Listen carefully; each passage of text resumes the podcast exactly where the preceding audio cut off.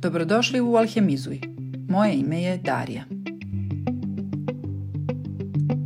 Postoji jedan segment naših života koji nedvosmisleno otkriva naš odnos prema sebi, drugima i svijetu, a to su navike. Jedan od najboljih načina da realno procijeniš kako živiš, to jest e, koliko živiš u skladu sa svojim vrijednostima, jeste da za početak baciš pogled na to kako ti prosječan dan izgleda. Važno je zato da počnemo od pitanja koje su tvoje životne vrijednosti. Možda bi zapravo bilo dobro da i u ovom trenutku pauziraš ovaj snimak i izdvojiš za sebe barem dvije ili tri svoje ključne životne vrijednosti i da ih poređaš po redosledu. Odgovor na to pitanje, naravno, može vrlo da se razlikuje od osobe do osobe, ali evo, recimo da je odgovor na to pitanje da su tvoje najznačajnije životne vrijednosti e, neke od sljedećih. Ljubav, zdravlje, posao, odnosno rad, prijateljstvo, partnerstvo ili duhovnost. Ok, i sada, ako imaš izdvojeno barem dvije ili tri vrijednosti koje su u samom vrhu za tebe, onda pogledaj – koliko vremena u toku dana posvećuješ svakoj od tih vrijednosti? Ako je, recimo, a nadam se da jeste, u vrhu tvoje liste zdravlje, kako to brineš o svom zdravlju svjesno, namjerno, svakog dana?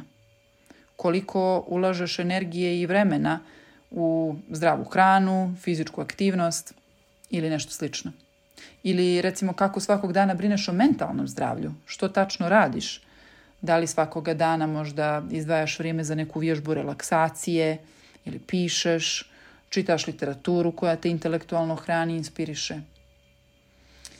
Ili ako je visoko na listi roditeljstvo ili partnerstvo, što tačno radiš svakog dana kako bi bila ili bio siguran da si toj vrijednosti posvetila ili posvetio dovoljno vremena. Kako ulažeš u taj odnos?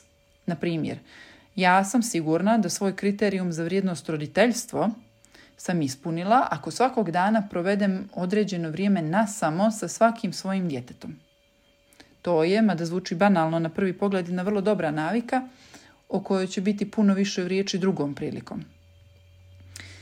Iako ćeš biti potpuno iskrena ili iskren sa sobom, koliko dana prođe, a da nisi zapravo uradila ili uradio mnogo toga što zapravo želiš i važno ti je?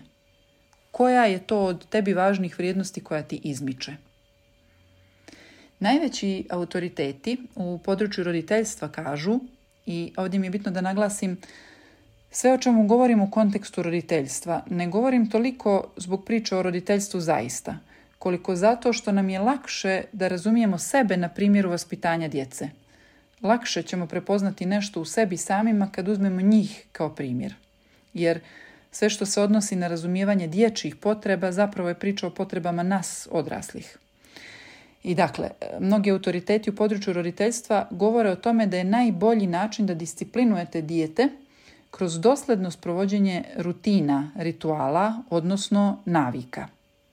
Disciplinovanje zapravo i znači poučavanje. I bez obzira na to što govorimo djetetu, što zahtijevamo od njega, pohvaljujemo ili nagrađujemo, najznačajnije je zapravo ono što svakoga dana iznova mi radimo – jer to postaje dio identiteta osobe, ono kakav ja jesam, kako ja, odnosno mi u našoj porodici radimo stvari. Jel? To je tako zbog samog mehanizma učenja. A za pojam učenja tjesno je vezan jedan drugi važan pojam, pojam neuroplastičnosti. I pretpostavljam da kad čujete ovaj pojam odmah vam se zavrti u glavi i poželite da se isključite, ali ostanite još malo. Obećavam da će vam na kraju biti drago. Neuroplastičnost se definiše kao sposobnost mijenjanja mozga zahvaljujući iskustvu. Dakle, kad neku radnju ponavljamo, mozak, odnosno neuroni, se umrežavaju na takav način da u jednom trenutku ta radnja postaje automatizovana. Da bismo to preveli na nešto mjerljivo i vidjeli kakav je uticaj onoga što radimo redovno na tok cjelokupnog života – Uzmimo za primjer e, pranje zuba. Ako danas dijete preskoči da pere zube, to nije nešto što će imati strašne automatske posljedice. Ali ako jedno dijete redovno pere zube, a drugo ne, za par godina će se vidjeti ogromna razlika u zdravlju zuba jednog i drugog. A drugi ishod je to što će prvo dijete bez otpora nastaviti da to radi samo, dok će drugome vjerojatno trebati mnogo veći pritisak s polja da bi istrajalo u toj navici i kasnije kroz život. E sad preslikajte to na naviku čitanja pred spavanje, na primjer, i opet uporedite ishod za 10 ili 15 godina. Ili ako imamo naviku da se isključujemo sa društvenih mreža na samo jedan sat nedjeljno, kako bismo recimo proveli vrijeme sa porodicom, prisutni, kako bismo se zaista povezali i vidjeli jedni druge, sat vremena na nivou sedmice možda ne zvuči mnogo. Ali tih sat vremena sedmično se pretvara u oko 52 sata godišnje, odnosno u skoro 1000 sati do perioda dok dijete ne napuni 18 godina. 1000 sati je dakle minimum koji ćemo imati ako imamo svjesnu namjeru da to sprovodimo. Međutim, ako takvu namjeru nemamo, taj broj će izvjesno biti puno, puno manji. A zamislite sada ako taj sat vremenom proširite na cijelo prije podne nedjeljom ili možda na cijelu nedjelju. Odjednom govorimo o hiljadu dana, što je skoro tri pune godine dana prisutnosti, povezanosti i namjernog ulaganja u bliskost. Zamislite koliko veliku razliku to pravi u odnosu sa tim bićem, djetetom recimo.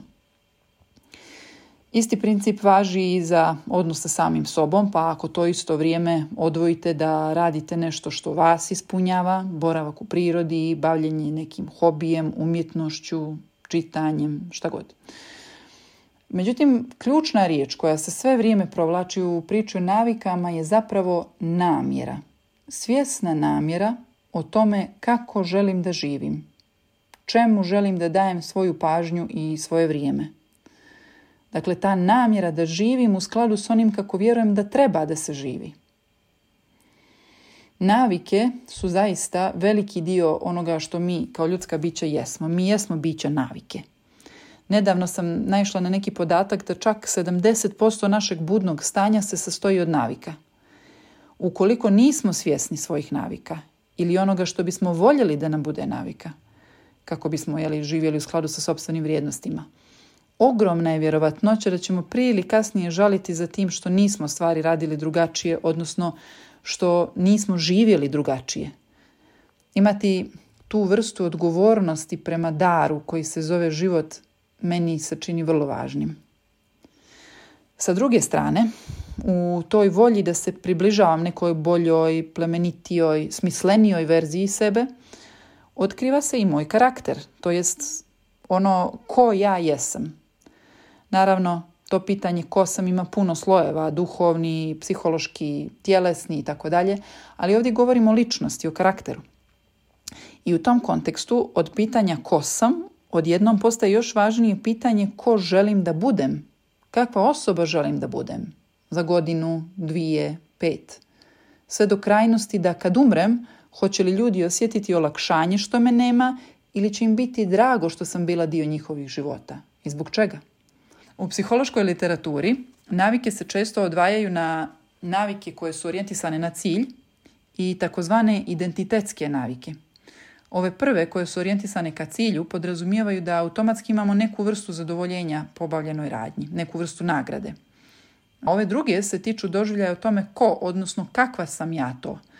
E, sportista, umjetnica, osoba koja voli prirodu ili da čita ili možda osoba puna ljubavi, odgovorna osoba, osoba koja brine o sebi, drugima i tako dalje. Dakle, nešto što me definiše, mene kao osobu. Problem je u tome što zbog brzine življenja, nažalost, često odustajemo od ulaganja u ove druge, identitetske, i fokusiramo se samo na prve, ove koje nam daju automatsko zadovoljenje. Dakle, zbog onog što je hitno, mi gubimo iz vida ono što je bitno, ja te pozivam da razmisliš o tome koliko živiš u skladu s onim što ti je zaista važno i u kojim segmentima ne ili u kojim aspektima vidiš prostor za napredak. I zatim da iscrtaš u svojoj glavi ili na papiru kako bi voljela, odnosno volio da živiš, kakva osoba da budeš za godinu, pet ili deset i da identifikuješ koje su to navike koje želiš da uvrstiš u svoju rutinu kako bi izgradio ili izgradila takav karakter. To mogu biti neke od navika koje se tiču brige o zdravlju, recimo briga o kvalitetnom snu, izlaganje suncu, fizička aktivnost, meditacija, tuširanje hladnom vodom, pisanje kao vid mentalne higijene i tako dalje. Ili će možda biti vezana za druge ljude, da jednom sedmično odvojiš vrijeme za telefonski razgovor sa prijateljem koji je daleko možda ili da svakoga dana uspostaviš ritual povezivanja sa partnerom kroz razgovor ili fizički dodir. A mogu biti vezane i za zajednicu. Možda želiš na neki način da doprineseš svojoj okolini pa ćeš recimo uspostaviti naviku da jednom mjesečno doniraš hranu porodici koja nema ili ćeš učestvovati u akciji čišćenja smeća. Toga, nažalost, imamo na pretek. Ili ćeš volontirati možda u nekoj lokalnoj organizaciji. A možda ćeš u toj viziji sebe imati još subtilniji pristup, pa ćeš poželjeti da vidiš sebe kao smireniju, uzemljeniju osobu recimo, radosniju ili sporiju, osobu koja je manje kritikujuća prema sebi i drugima, koja je strpljivija ili ima veći kapacitet da prihvati druge takvima kakvi jesu. Ili ćeš možda i ti, kao što svakako ja želim, poželjeti da budeš otpornija osoba Osoba koja preuzima odgovornost za tog stvari, odnosa, za ishode u svom životu, jer shvataš da ako se samo jedan činilac ujednačeni promijeni, rezultat se mora promijeniti neminovno. Možda ćeš i ti poželjeti nešto od toga, pa ćeš u skladu sa tim dizajnirati navike koje će te dovesti do tog i takvog ja. Ako misliš da ova epizoda može inspirisati nekog da napravi korak bliže sebi, podijeli je da zajedno kreiramo zajednicu zadovoljnijih, autentičnijih i bliskih ljudi.